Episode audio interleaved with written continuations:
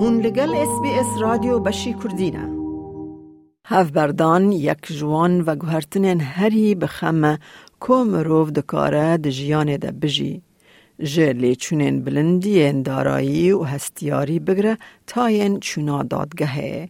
سیستما دادرسی یا استرالیا بری دوزگری ناوبینکاری او آلترنتیوین چاره سرکرنا ناکوکین مالباته. به حسانی هفبردان هلوشینا فرمی یا زواجه لج بر انجام هستیاری دیو بافتی او دارایی ین مزن ین هفبردان مالبات دکارن تیب کوشن کو بی پشگریه که دروایی بگهیجن چارسریه که دوستانه.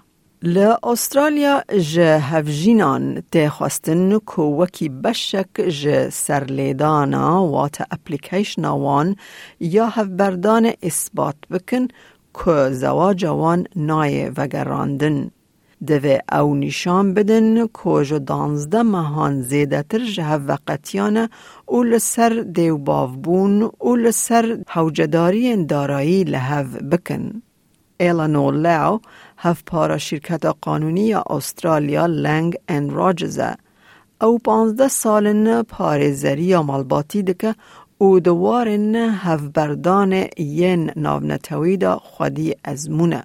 خاتو لاو د بیجه هکه هون بخوازن د مجارا دیو باوان دا بچن دادگه دوی بری هر تشتی ده او باو بشداری چاره سرکرنا ناکوکیا مالباته ببن. If you want to go to court in relation to parenting issues, there's a requirement that parents must have participated in family dispute resolution first.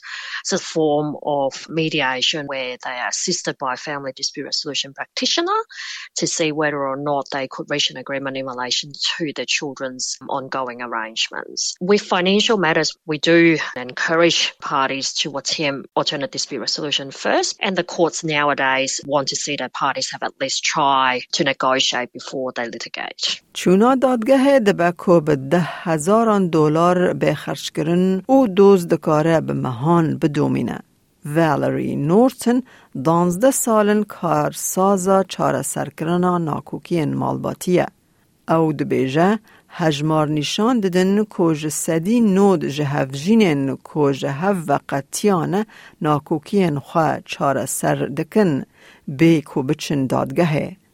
بری حولدانا ناو بنکاری بکن خاتون نورتن احتمالا سرکبتنه دنرخینه. Meet with each person individually first. So I'm assessing if mediation is suitable. If there's a lot of upset there, is there a betrayal? Is there a lot of anger? Is there mental health issues, drug, alcohol, or domestic violence?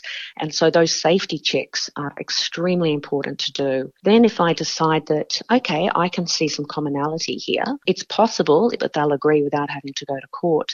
Then we all come together for a joint session to discuss each topic one by one. د دمارو نشتنن ناو بینکاری ده خاتو نورتن غریدار و پارزر نوان را دبه آلیکار کل هفهاتن و دانستندنان بکن او حول ده کوان ج خمگینیا هستیاری دور بخه لشونا وان لسر انجام پراتیکی ین کده جبو هر دو آلیان او زاروک وان گنجاو و اوره کرن اگر زاروک هبن. Mediation is about finding that place where it's okay, it's not perfect, and there is going to have to be compromise on both sides, but it's bearable. They can both live with it. And that's a good mediation, when they're both walking away, not with joy in their step or looking completely hung dog. It's them walking away going, okay, that was a fair outcome. لأستراليا هفبردانك بسوج نينة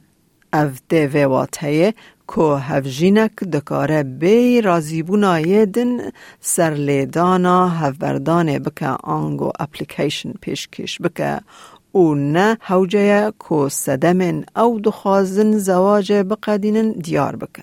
برواجی باوری گل مال و ملک نه مجبور نیو نیو پاره و ببن. پاره زر ایلنو لاو دبیجه هر دو آلی دوی شیرتا دادریسی ور بگرن او پیوان تایبت بجیه بینن. In a property settlement, the first step is we need to work out what's there to divide. So obviously the wealth within Australia, but also wealth outside of Australia will all be taken into account.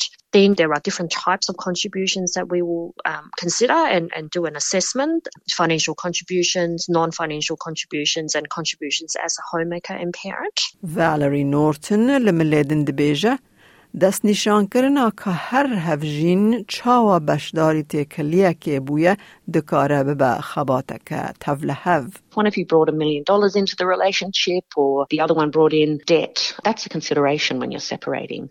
The second thing is your contributions during the relationship, and that's both financial and non-financial. And that's not how much money you earned at work, because being a stay-at-home parent is considered equal to being a CEO who's on a million dollars a year. It's more about did your parents give you money to buy a house or did you live with them for years to save up for a house? Did you inherit? Those those sort of things. نیقاش سیامین ده لحف هاتنه که جبو ملک ده فاکتور کرنا حوجدارین سبروجه ین هر هفجینه او و کولین لتمن هر هفجینه پوتنسیال قازانچ کرنه و تندرستی گشتی ده ناو آلین دن ده دنیره دا کج سدی کاده چاو ملک وره پاره وکرن. What that means is that are there any reasons in this case that should entitle a party to receive a little bit more because that person may have greater needs moving forward? So, typical scenario is if one party has a primary care of young children and moving forward, that party will continue to resume that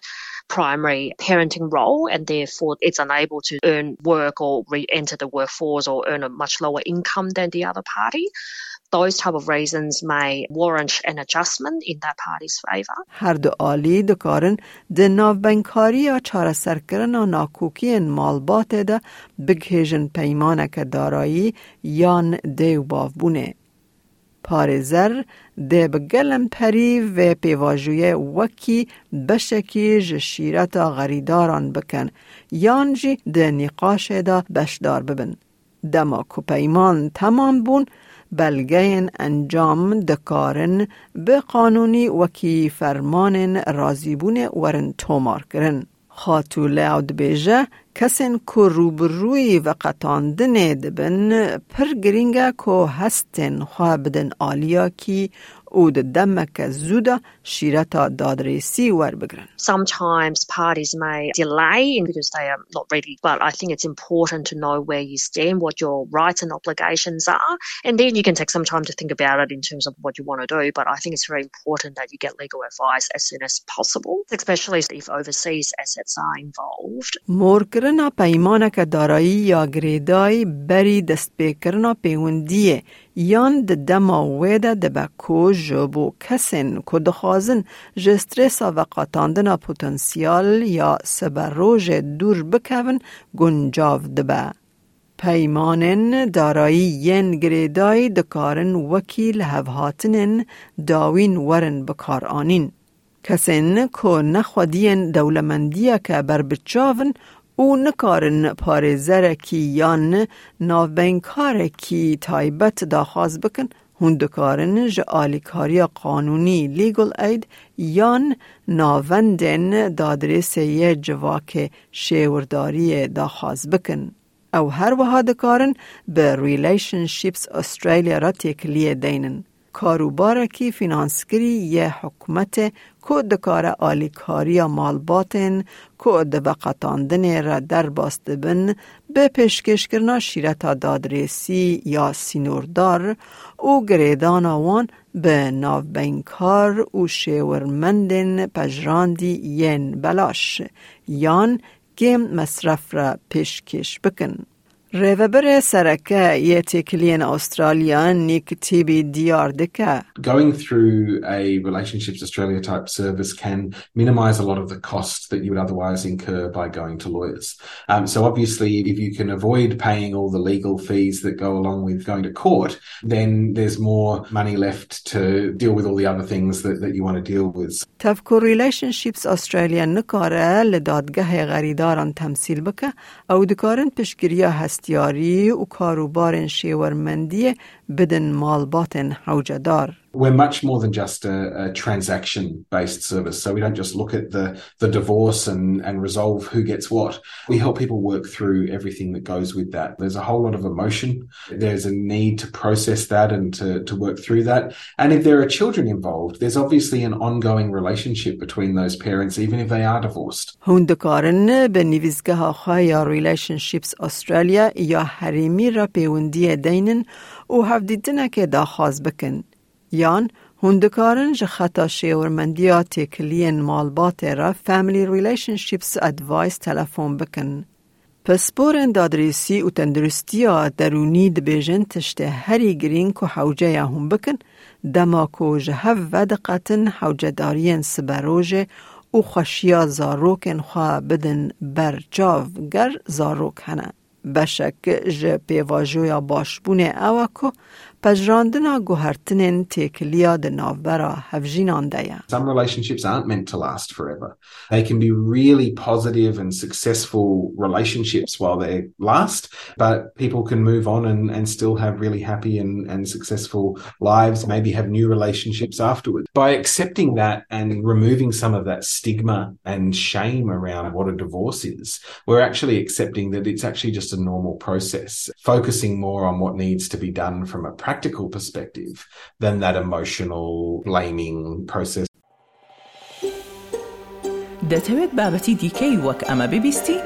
گۆڕایرە لەسەر ئەپ و پۆدکاست گوگل پۆدکاست سپۆتفاای یان لە هەر کوێیەک پۆدکاستەکانت بەدەست دەێنیت.